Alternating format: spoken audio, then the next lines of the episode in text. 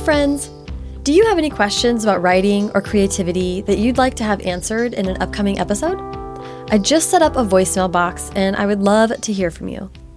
You can call and leave your questions at 801 533 1998, or you can always send your questions via email to firstdraftwithsarahenni at gmail.com. I would love to hear from you.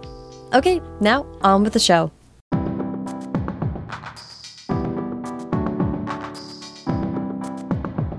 Welcome to First Draft with me, Sarah Enni.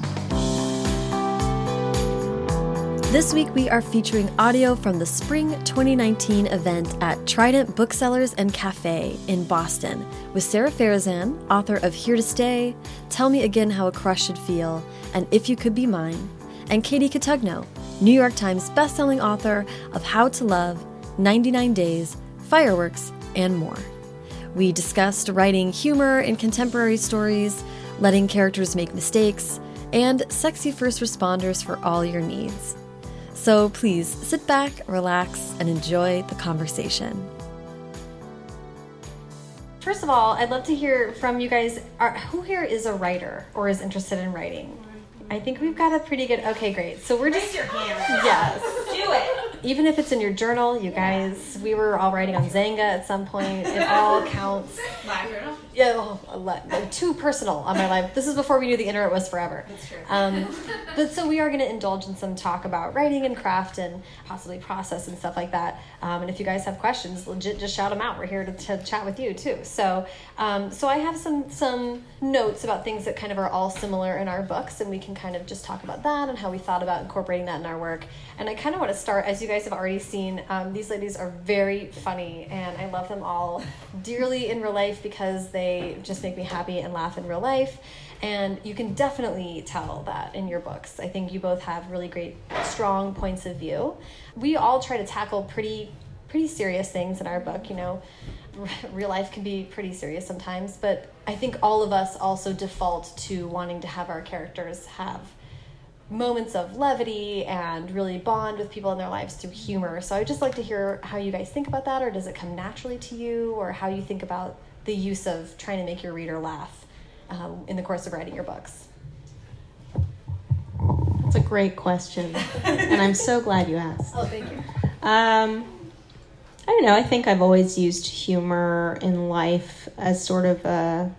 I think everything can be kind of heavy for people, and not everything should be funny. Like there's some things you can't make funny, and rightfully so. But Ketoacidosis. ketoacidosis, I don't know what it is, but I keep hearing it in pharmaceutical ads, so I should Google it at one point.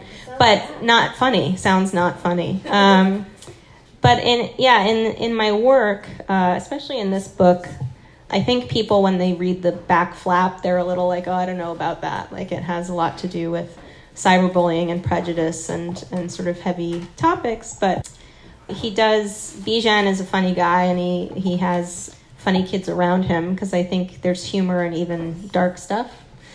And it also entices the reader to want to keep going, I think. Um, I think there's some people who really enjoy just a really heavy book, and there's nothing wrong with that. But I do like to make sort of social commentary and points using humor because I think it's an easier way to get people um, engaged rather than feeling like they're being spoken to. They're sort of being let in uh, inside on the joke, especially if the joke is not at anyone's expense Yeah. or at anyone any group's expense, which is hard to do, but that's what I try and do.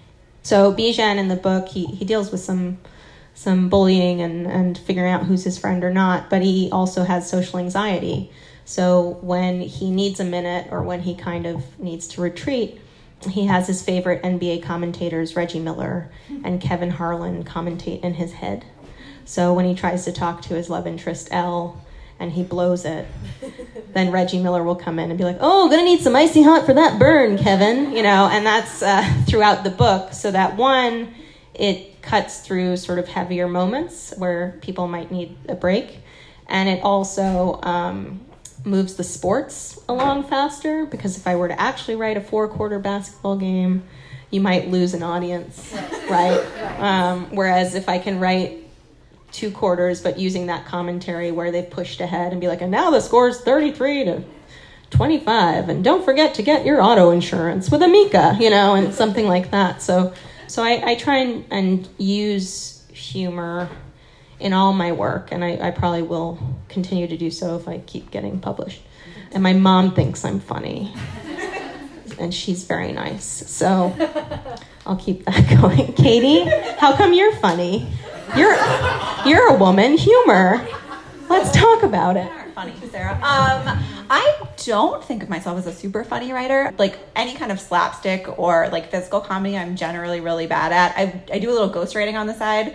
And recently I had to write a scene that involved like two characters trying to turn off a faucet that had exploded and water was all over the house and they were slipping and it was supposed to be a whole thing and it took me like two full days. I was like, I don't understand where their bodies are in space. I don't understand where my body is in space. None of it, it just was not working. But for me, I think the places where I do tend to find humor are in dialog mm-hmm. And I think if you can get to know your characters as well as possible and figure out the specificity of their relationship, then it kind of gets easier to get into that back and forth of characters banter and the same way that you might find your best friend hilarious even if nobody else does it's easy to see why these characters might find each other hilarious Sarah, how do you use humor? How do you use humor in your writing? Tell us. I will tell you everything. Um, because the title of her book is Tell Me Everything, which is on sale after this event and for the duration of the next few years. But get it first here. I love this is my hype man over here. Flavor Flav. Uh, That's so funny, Katie, that you don't necessarily think of yourself as a funny person because I feel like your books are. I mean, I think your books are like kind of heart forward and they're very personable. But I think your pers- your characters shine with their personality, which says I think there are moments of humor that aren't necessarily like set up and punchline, sure. but it's definitely like them kind of cracking each other up or definitely feeling really connected to each other. So I guess it's that's interesting to think about like different kinds of humor that it's hard to write a, a type five in a book. You can't really you can't really do that. It doesn't really work. So there are interesting ways I think to bring humor through through writing. Like I just had the experience of going to New York and hanging out with some people at Scholastic and doing a live reading of particularly one chapter in Tell Me Everything where Ivy, the main character, meets this guy sits next to her in art class who she thinks is devastatingly attractive and his whole like he walks into the room and then sit, takes the seat next to her and her inner monologue throughout this scene is is insane. Um, like every 15 year old girl who is in love with. I will say the way that you describe him in that book, like I'm 33 and I was like, oh, I'm eight. Like he's very handsome. It was so fun. So I didn't care because I'm gay. Right. and unfortunately, Nate was not for you. But he was a really nice guy. Yes. I liked the way you you wrote how all the men smelled. Oh yes. they were very unique. Sm- I've not smelled a lot of men, but she feels as though the way in which yeah like one of the characters and they were great like it was like nacho cheese and aftershave and i was like i know what that smells like put yes. together it it's was a baseball game yeah yeah yeah yeah yeah i did i do I, I try to bring all five senses in and i think you learn a lot from a guy when he smells like nacho cheese. Yeah. Like well let's find him at the cafeteria. That's definitely where he's hanging out. Um, but it was i read aloud this chapter where nate walks in and ivy's reacting to him and i realized that so much of what i had written to be funny to a reader was a little bit difficult to read out loud. It involved her inner the moments when her inner voice and her outer voice were in sync were, funny when you read them but not so much when i was just repeating myself by saying them out loud. But it was it was fun to do that and to get a sense of like oh i was definitely trying in this chapter to make the reader become someone who was on Ivy's side mm-hmm. because Ivy was acting so ridiculously and she was throwing out so many specifics. And I think specifics are so much of what make people respond to characters and to think that anything is funny when you throw out something that's a little bit surprising um, that's kind of the heart of humor so. I definitely tried to use that in my book just to get people on board to go along with this girl as she did increasingly um, the, the story of Tell Me Everything is that Ivy Ivy's a young artist who is a photographer and a visual artist. She's far too shy to share her work, but she gets obsessed with this new social media app that takes over her school, and people are posting really wonderful art on there. She wants to find out who's posting this anonymous art and do nice things for them. But it turns out when people post things anonymously, they want it to stay anonymous. So when she finds out who they are and does nice things for them, they're like, Why do you know who I am? And why are you talking to me? And she crosses a lot of boundaries. Um, and she's also falling in love with her best friend and doesn't know how to talk to him about it. So she does increasingly intense, n- nice things for people. And I wanted you to be on her side while she made these massive, increasingly stakes heavy mistakes. And I, so I hopefully that worked, but that was definitely my intent in writing, writing the book. We were talking earlier about char- letting characters make mistakes, in particular in YA. So I would just love to hear from you guys um, about some of the mistakes that your characters make, why you had them make those decisions, and what the reaction has been from readers. Mm. Because I, I guess in my experience, I feel like people always say that they want characters who are real uh, and who feel like real teenagers. But I certainly messed up a lot when I was a teenager, and I think most teenagers mess up a lot. But I've noticed over the course of however many books that sometimes what readers say they want and then how they react to characters who make those mistakes don't isn't always in alignment. Yeah. yeah.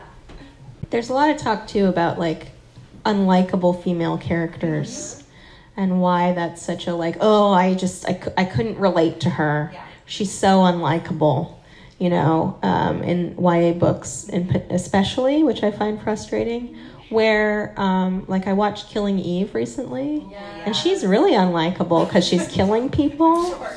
But like, what a dish, you know? she like does whatever she wants and just kind of like spills ice cream on a kid, and I'm like, how terrible. But also, I wouldn't spill. I w- she is very dreamy, but I wouldn't. That's not well. That's a type. But um, but you know, she murders people, sure. and that's not great. But people love that show, right. um, and I think it's because they haven't really seen female serial killers uh, that much. Um, so I do think there's this thing about that's sort of gendered, which I don't like. In that, you know, you want your protagonist to be likable and to have people root for them but but it seems like women characters have to be this sort of like very patient, very understanding, very sweet, you know, whereas books that have um, a more dubious protagonist, which are great, you know, usually you find them in a lot of thrillers, right? Um, are are not as responded to in the same way. Um, in writing Here to Stay, I, I, I was writing a cis straight guy, which is not me so I was worried about that. And then I was also worried about he's American, but he's half Persian, and I'm full Persian, and he's um, half Jordanian. So I was also concerned because we don't see that many characters of that background a lot. Now there's more, which is great, but I always worry about that. Like if if someone's going to read the one book that has this character, I don't want them to be like this is the experience, you know, because it's one character.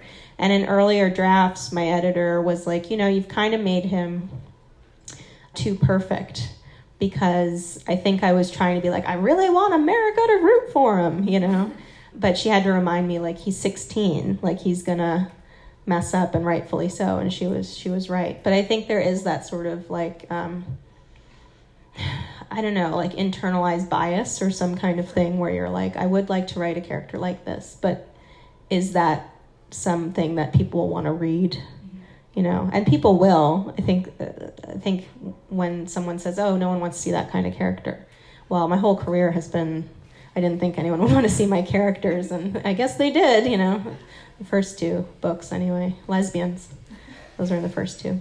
Um, but that's a long-winded answer to your question about how do you feel about mistakes in characters yeah, I think that's a, that's a really good point, especially the like people think they want characters that make mistakes, but then they say this character is unlikable and or unrelatable, and I just call BS on all of it because it's every time that someone says a character is unlikable.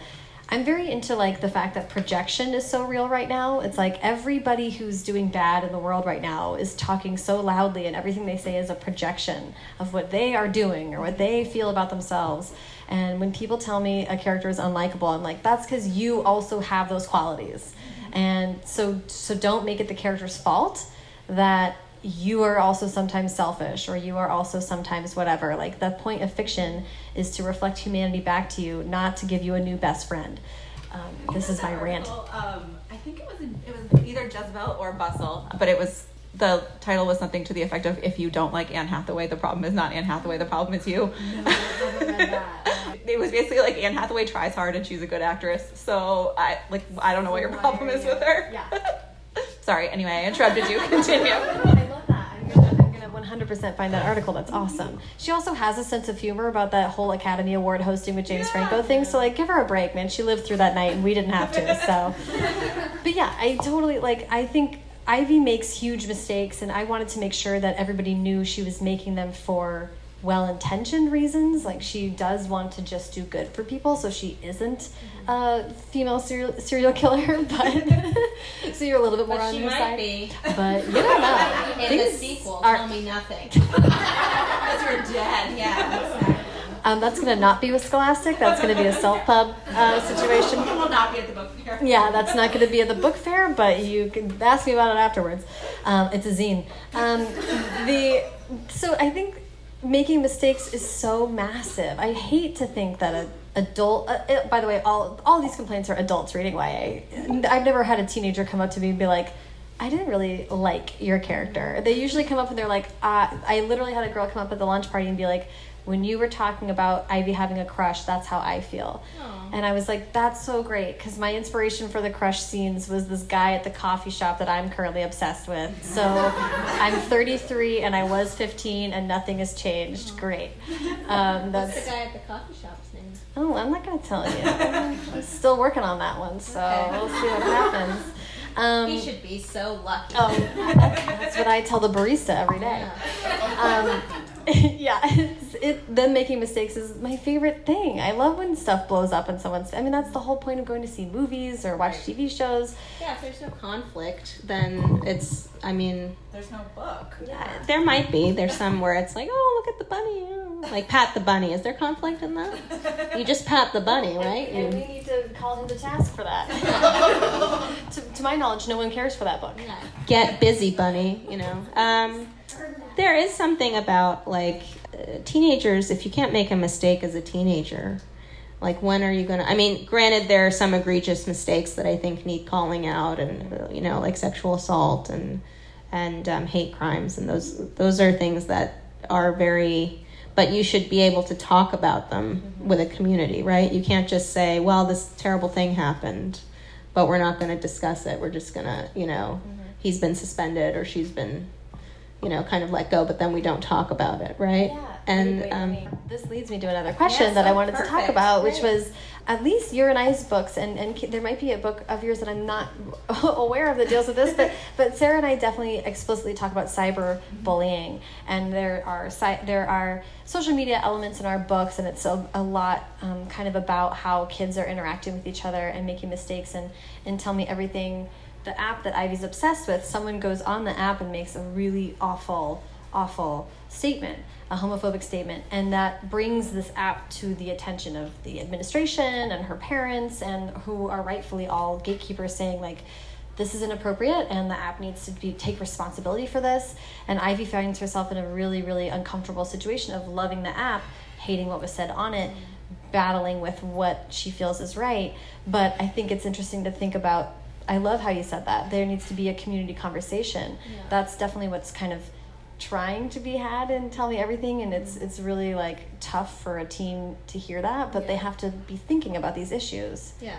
I think too, Bijan finds himself, he suddenly becomes big man on campus because he substitutes in for a varsity basketball game and makes the winning shot, and suddenly he's being invited to parties he wasn't invited to before and sort of uh, made to feel like, oh, okay, this is pretty cool. I've seen how this goes in all the movies, right?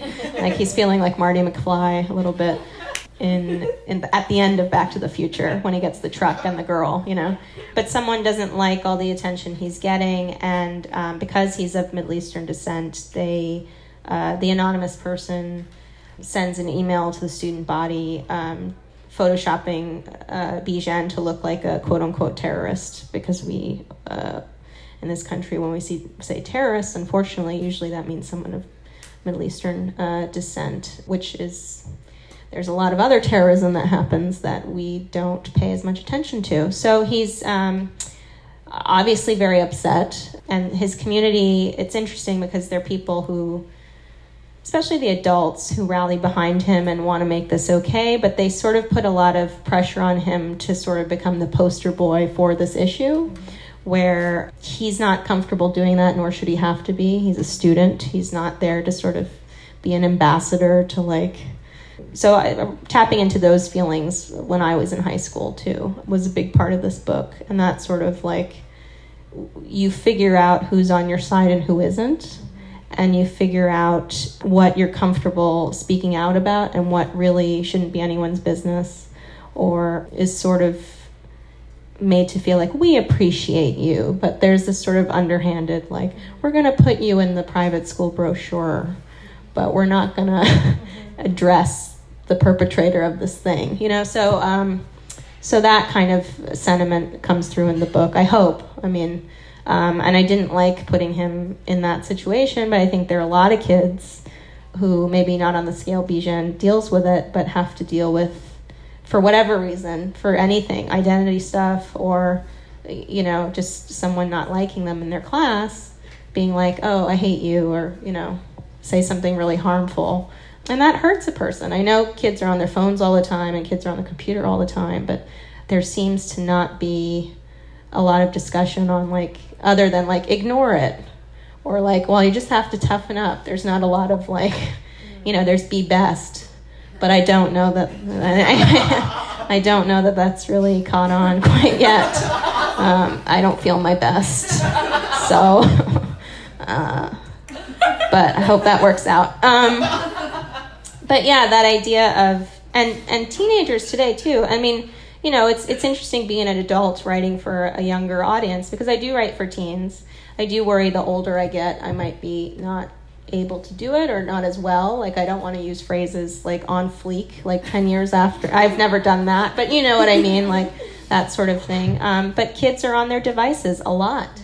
And they're inundated with information, whether or not they're being cyberbullied. They see when someone comments something on like a generic video, right? Where it's like you're fat or you're ugly or you're a terrorist or you're, you know, and it's it's horrible. And um, so I so I wanted to talk about that. Of course, there are no answers in any of my books, which you know, there's no like this is what we need to do. Um, but I do think, and in your book too, with the app, the the made up app Veil, I do think it taps into something that young people deal with and there's again no like real answer like there are ramif- we talked about this earlier but like in tech especially i think there's more of a demand for like can we build this rather than should we build this or thinking about what the ramifications of that technology is. You know, it's more like, well, let's get there first or let's get investors first yeah. without thinking about like, wow, the robots might take over our jobs,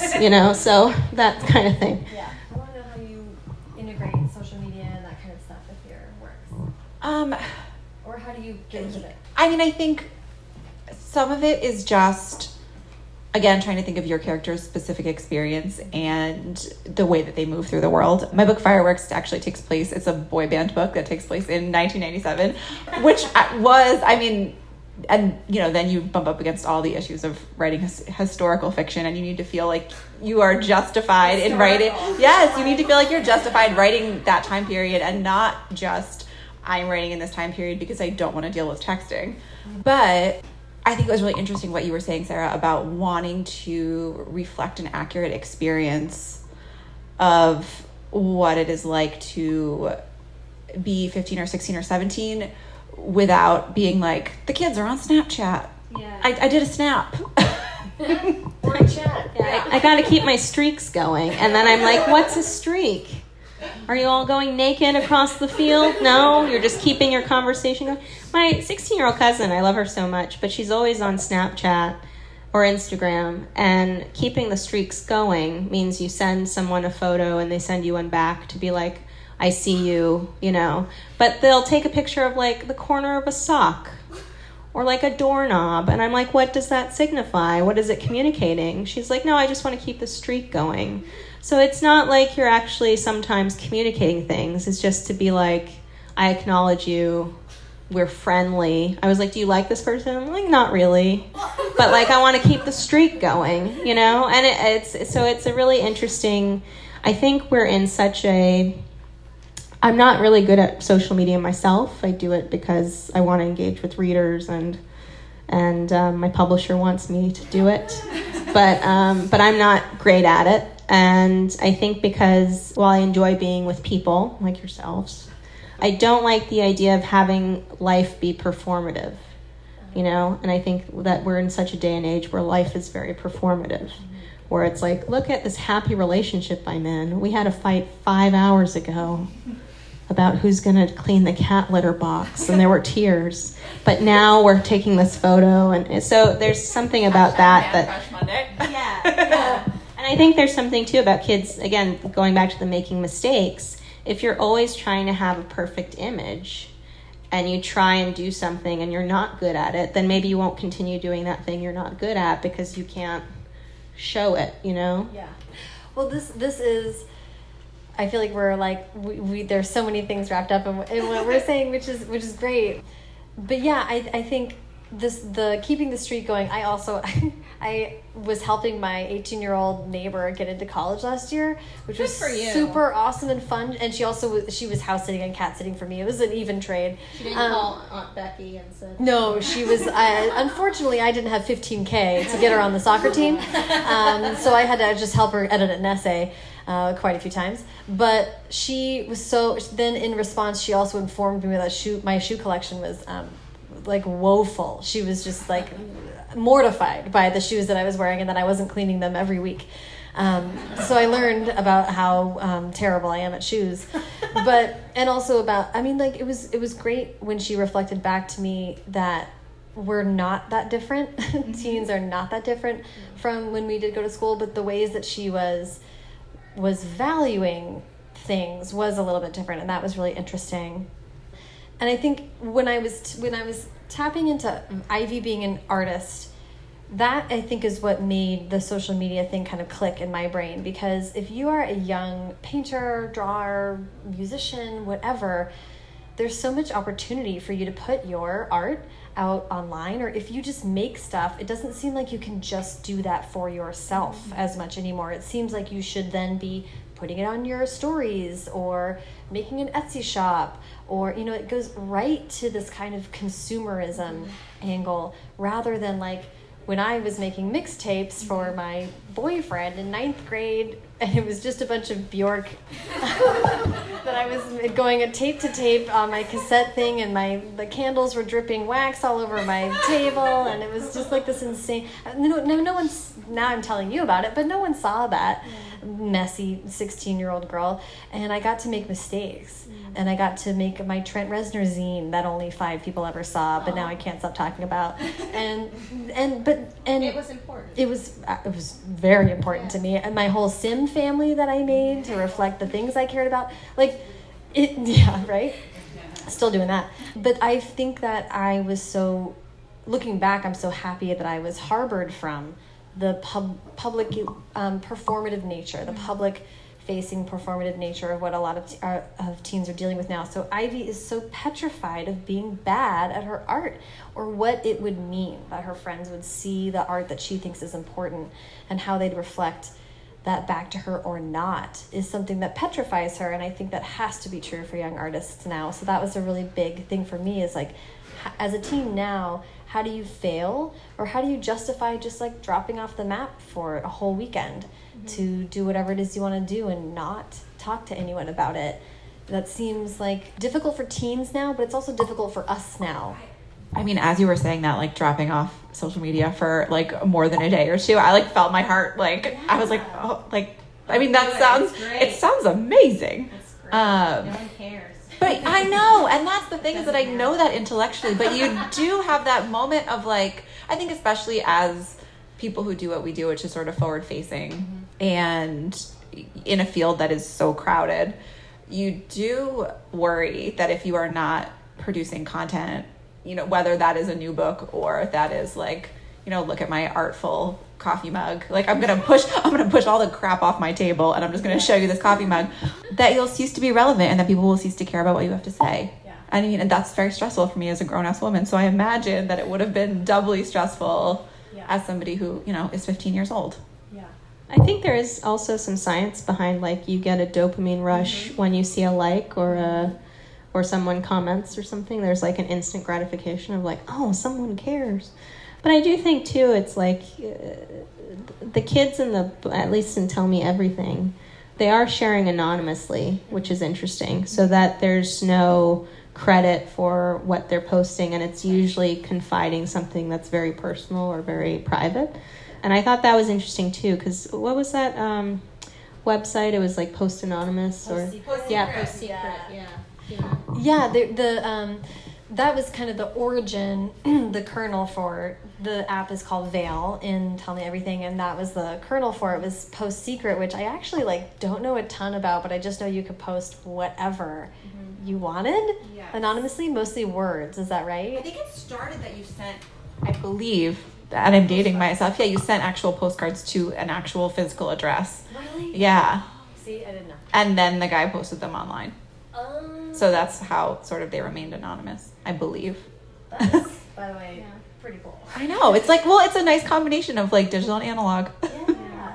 I love that. And, and okay, so this kind of is leading me to a question I had for you guys that was about villains. Because we're talking about Silicon Valley, yes. So we all write contemporary YA, and we write the kind of contempt that doesn't feature uh, serial killers and stuff like that. So, Those make money. though, uh, yes, that would be checks. America loves murder so much. So much. more every day. Yeah. Um, but so tell me everything. I wrote first the first draft. I had to burn it down and start again. I wrote a second draft. I had to burn it down and start again for a lot of reasons. But the thing that made the third draft stick was one of them was coming up with a villain. I was like, you know what these people need is something external to them that they can rally against. Kind of like the principal in that season of Buffy or something, you know? And then what I came across was a character named Rake Bermkazerg, which is an anagram of Mark Zuckerberg. Oh. Um, yes. That's why it seems so familiar. Yes, it was the most delightful 30 minutes of a writing retreat I've ever been on, coming up with every potential name from every letter in Mark Zuckerberg's name. That's amazing. And he created Veil, and he's this 28 year old redhead guy that went to the University of Illinois Urbana Champaign, and he came up with Veil. And then when someone used Veil to say a horrible, rude, awful thing, he was like, "Well, I didn't, I don't know anything about that." And I found myself just getting really into drawing this villain in the realistic way because because as you were saying like silicon valley is all about all about coulda not about shoulda uh, which is a Patton Oswalt joke i didn't come up with that um, that phrasing anyway and he is like totally incapable of taking responsibility for how people use the thing that he's made and to me that's the true villain like ivy and her friends and her parents and the administration can all have very valid points of view with how this app is going to interact with the teens lives. But ultimately responsibility lies with the people who make this. And so anyway it, the, my book really came together with identifying something that was like an oppositional pole mm-hmm. and i was it just made me think a lot about how in contemporary we do that kind of thing because we don't have journeys to Mordor to lie back on for plot and stuff like that. So we kind of have to construct these things along the way. So I would just love to hear how you guys thought about villains in your work or how you think about the push and pull of good and evil, all that kind of stuff. Just a very easy question, sure, just yes. a softball for you guys. Would you like to start, Katie? Sure. So until very recently, I had never written a book that had sort of a proper villain. My books, I really like that you described them as heart forward. That was very loving. Um, and they do tend to be about the push and pull of relationships where everybody is a little bit right and everybody is a little bit wrong. And I think the key, again, to doing that, I feel like a broken record, but the key to doing that successfully is to just get into everybody's head and know everybody as well as you possibly can. But I do have a book that is forthcoming next spring that is about a girl named Marin who starts a feminist book club at her high school after like the most popular teacher at school makes a move on her.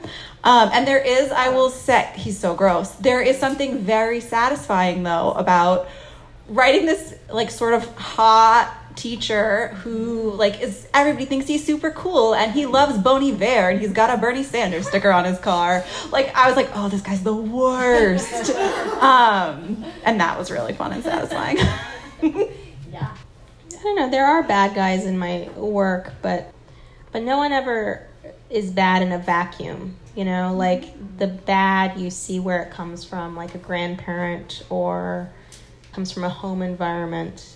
And there's some characters that are antagonistic but are more nuanced. So I, I like playing in the gray a lot versus like evil. I did an event, Boston Teen Author Festival, and they ask like sort of hot questions to the authors who have their books. And um, I think it was Mark Oshiro where the question was, and he's he's a wonderful writer. You should check out his book Anger is a Gift. But they had a question like, if you were to hang out with the villain in your book, like what would you do like in the day or something like that. Like they were trying to get people to sort of loosen up and talk about their books and and um, i think it was mark i'm not sure but he was like well i guess i would hang out with racism. And um, and he had this funny thing like what he and racism would do together. Um, because you know there are villainous sort of tendencies that we all have. And sometimes they're very heightened and sometimes they're not. But it's something that everyone can can have within them if they let the ugly really shine through. So i i more the villains in my work they have selfish motivations. I think on a base level you would be like oh well this character drew he's prejudiced you know against bijan. And but it's also he represents like why people generally are xenophobic. It's fear but it's also like i don't want you to take my spot. And bijan is literally, literally in competition with him for a spot on the basketball team. So um, yeah i don't believe in sort of black and white villains. I think there should be some sort of gray area. Yeah. Katie, what is the name of your book that's coming out in the spring that has this? It's called Rules for Being a Girl. We I, I co-wrote it with Candace Bushnell. Um, have you ever heard of her? She wrote she wrote um, a little book called Sex in the City. What? Um, she's a lot more famous than me. Um, that's pretty cool. That's pretty exciting. What do we got next, Sarah Enni? Let's do the book subscription and then we'll do questions. Perfect. So, one of the really cool things um, that features in Tell Me Everything is a bookstore, an independent bookstore, much like this one. Um, there's a program at the, in this fictional bookstore where, which I am told is based on a real program at a bookstore in DC, where you explain to your friendly local bookseller what your tastes run to, and then you leave them twenty dollars every month, and then they pick out a book for you. So my question for you guys is, if a, such a program existed here, how would you describe your tastes to your friendly local bookseller so that they could pick you something every month that you might enjoy? This is a tough one, and I did that program. So, uh, um, yeah, it's based on uh, this, like, you guys, when I lived in DC a few years ago, uh, a bookstore called Politics and Prose is very well known. There was just one woman, bless her soul. Um, I hope she lives forever because she was just like in charge of the whole thing. So just hundreds of people that went to that bookstore, they were like, I like this kind of thing. And every month she'd go through every single client, pick them a book and wrap it and put it in the mail and just like, very soon. There you go. are you serious? Holy have the, cow. We have the um, baskets all set. We're just waiting to like pull the plug on. Look at this. Oh my god. We manifested it. That is amazing. So Trident is going to be doing something really similar. Okay, so the same thing. so um so pick up your pen. We're just applying right now. Um, this is awesome. so it was really it was kind of cool because you got to go in and tell this person like, gee, well these are like maybe the five books that I that really stood out to me over the last couple of years. But but I would definitely say. I really did. I love YA, of course, I do. Uh, but now because I have the podcast, people send me free books. So no, I would never ask an independent bookstore to send me another YA novel. I can't. I'm I'm all stocked. so I'm all like uh, I'm a little bit moving into a lot of women's fiction that's coming out right now. The new Linda Holmes. Um, if you guys know Linda Holmes from NPR, she's coming out with a book in January or um, June, and it's amazing. I like I like a good women's fiction, like realistic adult romance. And then Uprooted by Naomi Novik. I don't know if any of you guys have read it. Uh, that is like the perfect like Russian fantasy kind of fairy tale feeling thing. I'm obsessed with that. And then I love a good like social. What's the word for Malcolm Gladwell? What are we calling him? Social sociology or like he dips into math sometimes but especially when it touches on like silicon valley and how um, tech is all going to murder us. I'm really into that genre right now. i haven't read ba- okay i'm just gonna here to tell you everyone should listen to the podcast called drop the dropout. Skip the hbo doc. Didn't dig it. Um, if you want to know she doesn't blink. Got it. And then and her voice is super low. You get the depositions in the podcast but I, I am interested in the book because apparently it goes into it's like read like a thriller apparently so yeah i'm here for all the stuff about how silicon valley wants to murder us Oh, gee. um, I like comic books. Um, I like graphic novels a lot. Um, a lot of Batman. There's a great uh, graphic novel called Sheets by Brenna Thummler um, that I really enjoyed. And I like a lot of nonfiction. There's a book I'm I just read called Dating Tips for the Unemployed by Iris Smyles. I think it came out in 2016. That's relatable. And um, I'm semi-employed and I don't date, so it's not. But I, I like her, and I also yeah I'll listen to a lot of nonfiction, usually about women talking about where they worked at one time. So I just listened to Tina Brown's The Vanity Fair Diaries. She was the editor in chief at Vanity Fair, so I liked listening to her say Tatler over and over again because that was a magazine she used to work at. I read a lot of Stephen King, mm. and Favorite Stephen King. Uh, uh, my favorite Stephen King is Bijan's favorite Stephen King, which is not his greatest book. I know what his greatest book is, but it's but my favorite book is Christine. I think because it has teenage protagonists, mm-hmm. and it's very much you know the car sort of, and our idea of like materialism and and how objects are important. And then I like a lot of um, I liked Citizen by Claudia Rankine. YA, YA I read, but I think I, I I enjoy it, but it seems more like work than it does for leisure. Um, and I do appreciate when adults read YA, and certainly, you know, I have had a lot of adult fans, but I write for young people. You know, once a young person reads my work, I don't look at the review or, you know, that's okay, like whatever you wanted. So, um, but I more read YA, I think, as like a study versus a, like, can't wait to dig in, you know, sort of thing. Um, I like unlikable female protagonists. I like literary fiction generally. I like complicated family stories. I like books with dogs in them, in particular pit bulls, and I like makeouts. That's what I got. makeouts. Like kissing? Yeah, like kissing. That's it. That's the Katie Cotugno brand. Dogs and makeouts. Is it dogs making out? No, it's different. I mean, I do like a dog kiss from time to time. I won't lie. So, do you guys have questions? Please, please save us from ourselves up here. Somebody has to ask the first one. It's hard, but yes.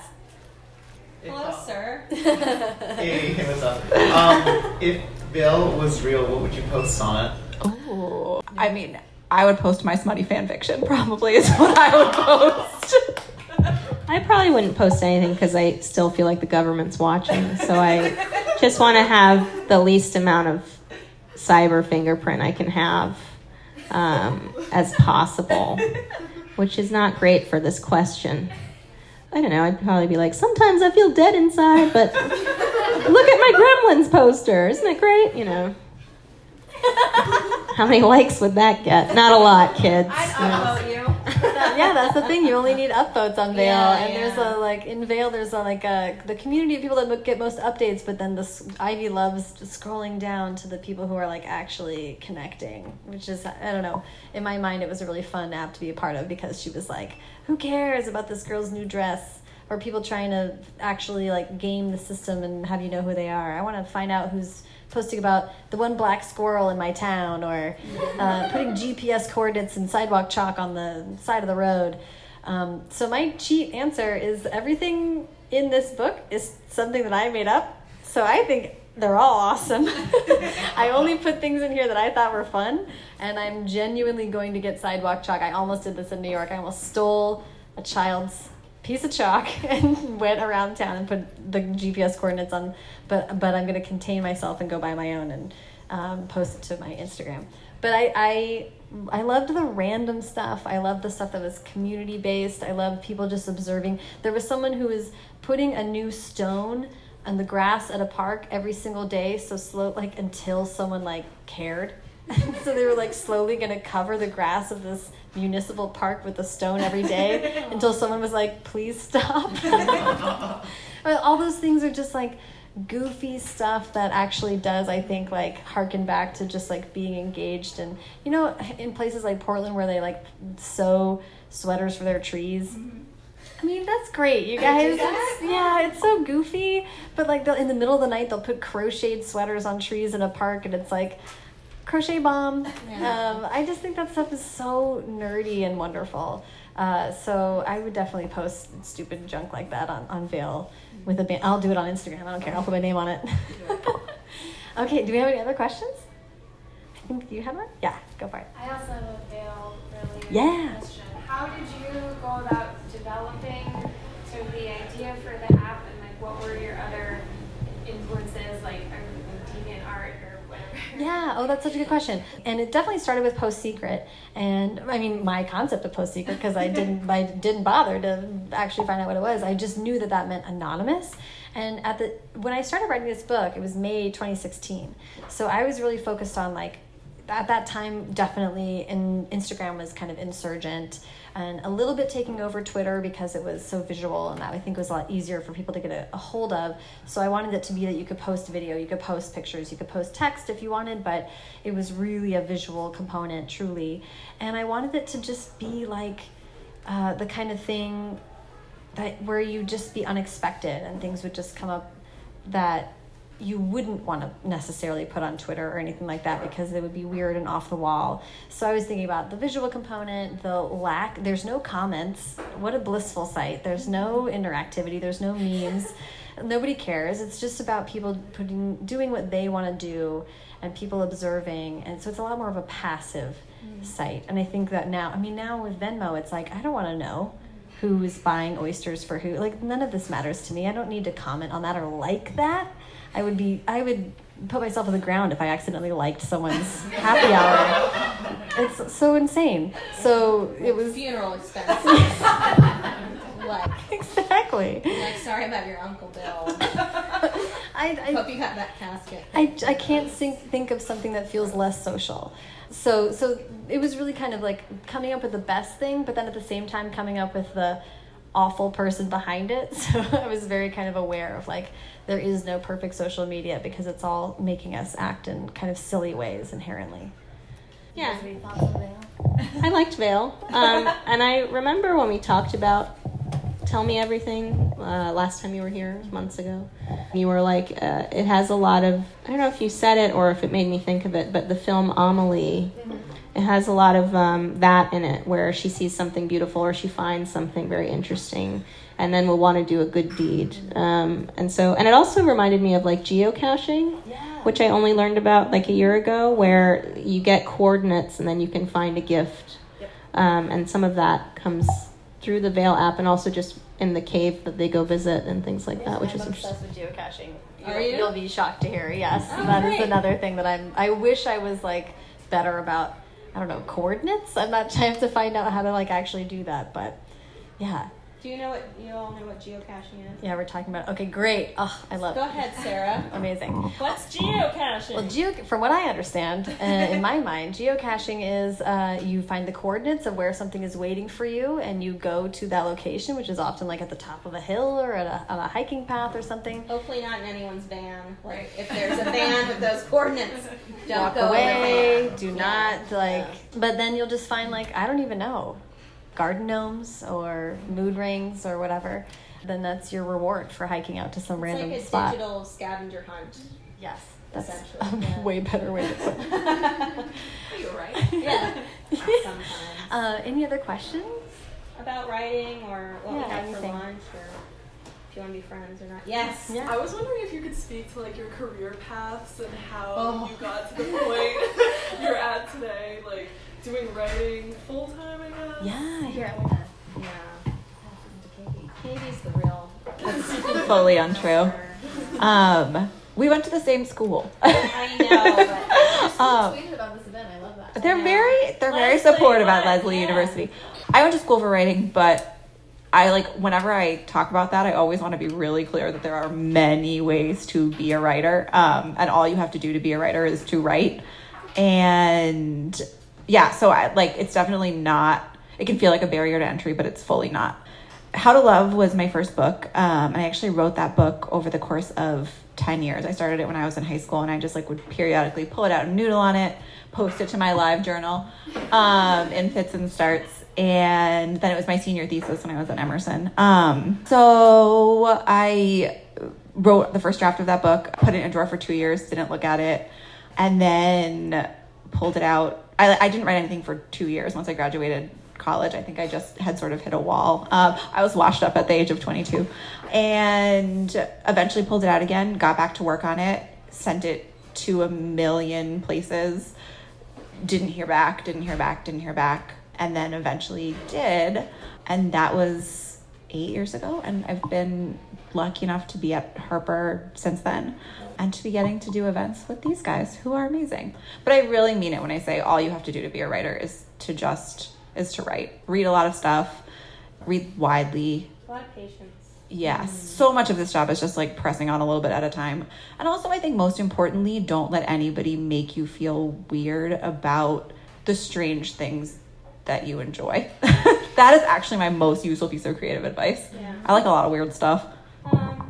I don't know. I think it- it's interesting because uh, the goal for a long time was to get published. I thought once that happens, then I've made it.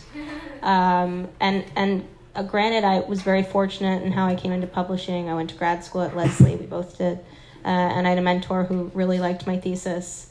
Um, and sent it to an editor that he had worked with. So that's how I got started. But I didn't think that the books I wrote about, my first two books, which were grad school projects, would get published because they were about Iranian American lesbians and and Iranian lesbians. That was a theme.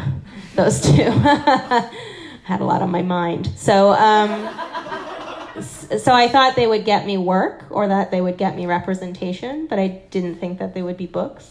And so suddenly, and it was a very Cinderella sort of moment, they became books, and you're up for public consumption with something that you thought was going to be fairly private, and then it's not. And you have to think about those things. Um, but then when those first two came out, I was like, I'm done. Yeah, I'm just going to keep doing this. Um, and that didn't happen. You know, I, I took a gap where I was writing stuff that my editor didn't respond to. Um, I was sort of unsure of um, what to write next because you're looking at, like, well, this book did well. Maybe America would prefer that. Murder. I should do that. and you, you have to get back to why you write in the first place. For me, it was a lot of one, I want to make myself feel better, which is very selfish. And then two, you want to make someone feel better by reading your stuff. Um, so I had to get back to that. Um, and even still, like with my books, because I'm at a wonderful publisher, but they're not the top five, right? So, and they've they've afforded me a lot of great things that that I'm very fortunate about, like sending me to places and, and that sort of thing. But um, you know, it's a hustle. You have to get your own health insurance. You have to. I had a job for the past two and a half years answering customer service emails, which is not very glamorous. It was a lot of like, so sorry about that. I've refunded your account. Have a great day, you know? But you do those things so that you have time to write and that you can keep. I, it's still for me, I mean, this is what, six years in.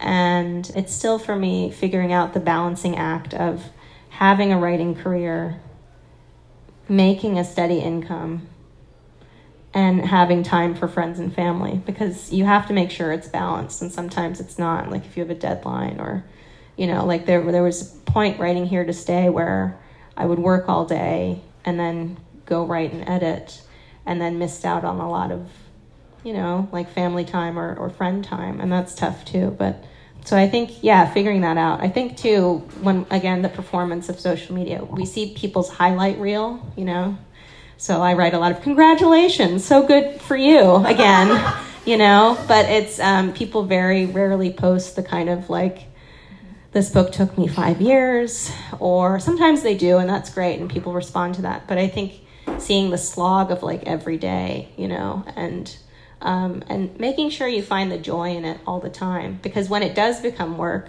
which is great, you're getting paid to do something you enjoy to do, but making sure that it's still feeds you emotionally, which sometimes can be tough if you're just writing for someone else or you're writing something that you're like I need a check, you know. But yeah, making sure that well is sort of full in whatever way you can. And I can't wait to read your book one day. I don't mean to discourage you, you know, but I think thinking about the reality and also when you work on a first book, make sure you have something or first essay or what have you. Make sure you have a second thing in the shelf that you can work on and noodle on while you're sending out queries. So that when they're like, "Do you have anything else?" you're like, "Yeah, I do." Book 2, you know. So that's always important too. Because when you uh, try and find an agent, you want someone who sees what you can do as a career rather than like this one book and then, you know. Yeah, yeah, I think that's awesome advice. This is like, uh, and also exactly what you're saying about social media and, and just having it be the highlight reel and only every sale you make and only ever list you hit or whatever. That's why I think I'm so passionate about podcasts and why I I really still feel passionately about First Draft is that like man, even if an author's trying to sound super opt- optimistic, when you get them in front of a microphone and talk to them for an hour and a half, they're going to be like, "Yes, and then I sold the next one. It was great." You're like, "Okay, are you okay?" You know, like you can, you just, you're just, you get such a better sense. It's, it's, you're not going for sound bites with something like that. So I've really valued having people be so honest with me and having so many conversations with authors where you get to hear how difficult it was and how many times they stumbled and how they thought it was never going to happen and how even when it did happen it was still full of curveballs and disappointments and not it wasn't how they expected it or whatever so i think that doing first draft for the last five years me giving writing advice is so disingenuous because i'm like start a podcast wait five years and then your first book will come out and it'll be great but it's very like i i did just you know, blogging kind of went away, but I still craved that community. So I found a way to, to continue to make it for myself. And I just found a way where people would agree to have me over to their living rooms and sit down and talk to me for a long time. And they really kept me inspired um, while I kept writing. Tell Me Everything is the seventh book that I've written. I wrote, I wrote a whole bunch of books and was doing the podcast. And then what actually happened was I wrote a book that got super close to selling and but didn't went to acquisitions but didn't for those of you that know what that means it's like the biggest heartbreak you can have without your book actually selling. And then my really good friend michelle schusterman connected me to amanda maciel who is my editor. She's a writer in her own right and she's also an editor at scholastic. And she had the kernel of this idea and she read that book that almost sold and said your voice is perfect and i want you to write this other idea. So tell me everything started as two paragraphs out of my editor's mind and i said i'll agree to write this book if i can completely change how it all happens. And she was like, fine. I know, I trust you. I know your voice. You do whatever you want to do. So it's my book, but it's technically an IP project. And the reason I'm really upfront about that is because that is a fair way to write. And it's still my book, and I'm still super proud of it. And it's a a way that people can make a living as writers. It means that it's going to open the door for me to write stuff that I came up with out of my own brain. But this is still me and my own writing. I, I just I feel like I've been asking people to be too honest for too long to not talk about that. So anyway, that's that's how I came to have my debut, and it's a perfectly lovely way to have a debut. And I'm so excited about all that Scholastic has done for me, and I'm super excited about how this gives me the chance to move forward with all the ideas and all the seven books that I've written in the past that are still alive in some part of my brain. So I, I love the advice that you guys gave. I think that's really smart. Um, and I agree. And I agree that loving the weird things is so much of Tell Me Everything. The third draft, as I told you guys, it stuck because I found how out how to make Mark Zuckerberg a villain, and I also found my Jeff Goldblum into the book. I gave her my Korean skincare routine. I gave her, yeah. The main character and, and her best friend, they really like Jeff Goldblum. That's a thing. And who doesn't? I know he's I know he's, you know, and he seems like a very nice man. Mm-hmm.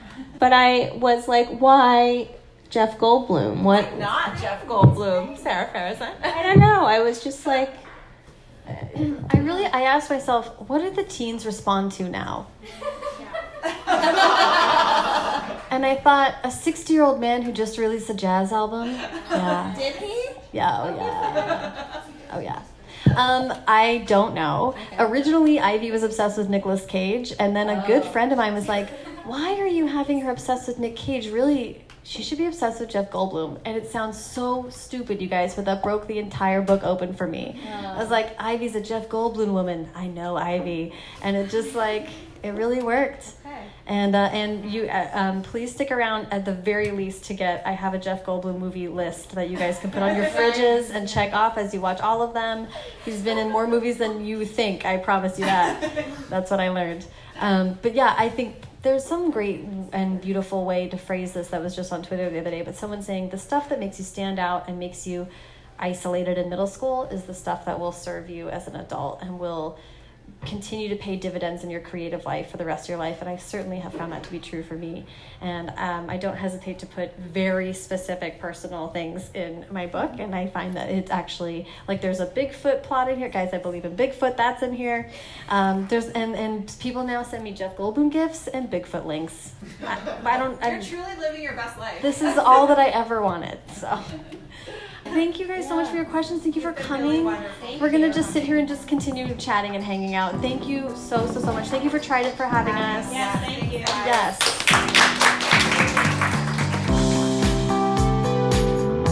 Thank you so much to Sarah, Katie, and Trident Booksellers and Cafe. You can follow me on Instagram and Twitter at Sarah Enni and the show at First Draft Pod. For social media info for Sarah, Katie, and Trident, and for links to everything that we talked about in this episode, please check out the show notes, which are available at firstdraftpod.com. If you enjoyed the show today, please subscribe to the podcast wherever you're listening now and take a minute to leave a rating or review on iTunes. I'm going to read one five star review that a kind listener left recently. This review was left by Andrew Four. Andrew says, there are so many good podcasts on writing, authors, etc., but this is my favorite. I love Sarah's in depth look at her interviewee's full writing life, and I love that she knows when to talk and when to listen. She's so thoughtful in her prompts and follow up questions, and you can tell that the experience is a peaceful, enjoyable one for her guests.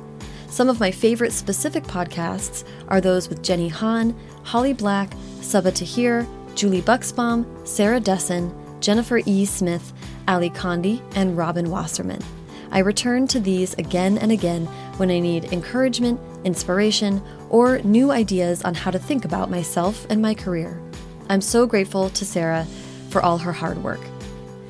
Whoa. Um, thank you for Andrew Four for that incredibly thoughtful review. It means a lot to me personally, and it also really helps the show to have reviews like that on iTunes. It boosts the show and puts it in front of potential new listeners. So, with that run review, Andrew, you've helped the show a ton, and for that, I'm incredibly grateful. Haley Hirschman produced this episode. The theme music is by Dan Bailey, and the logo was designed by Colin Keith. Thanks to production assistant Tasneem Daoud and transcriptionist at large Julie Anderson. And as ever, thanks to you, hot EMTs, for listening.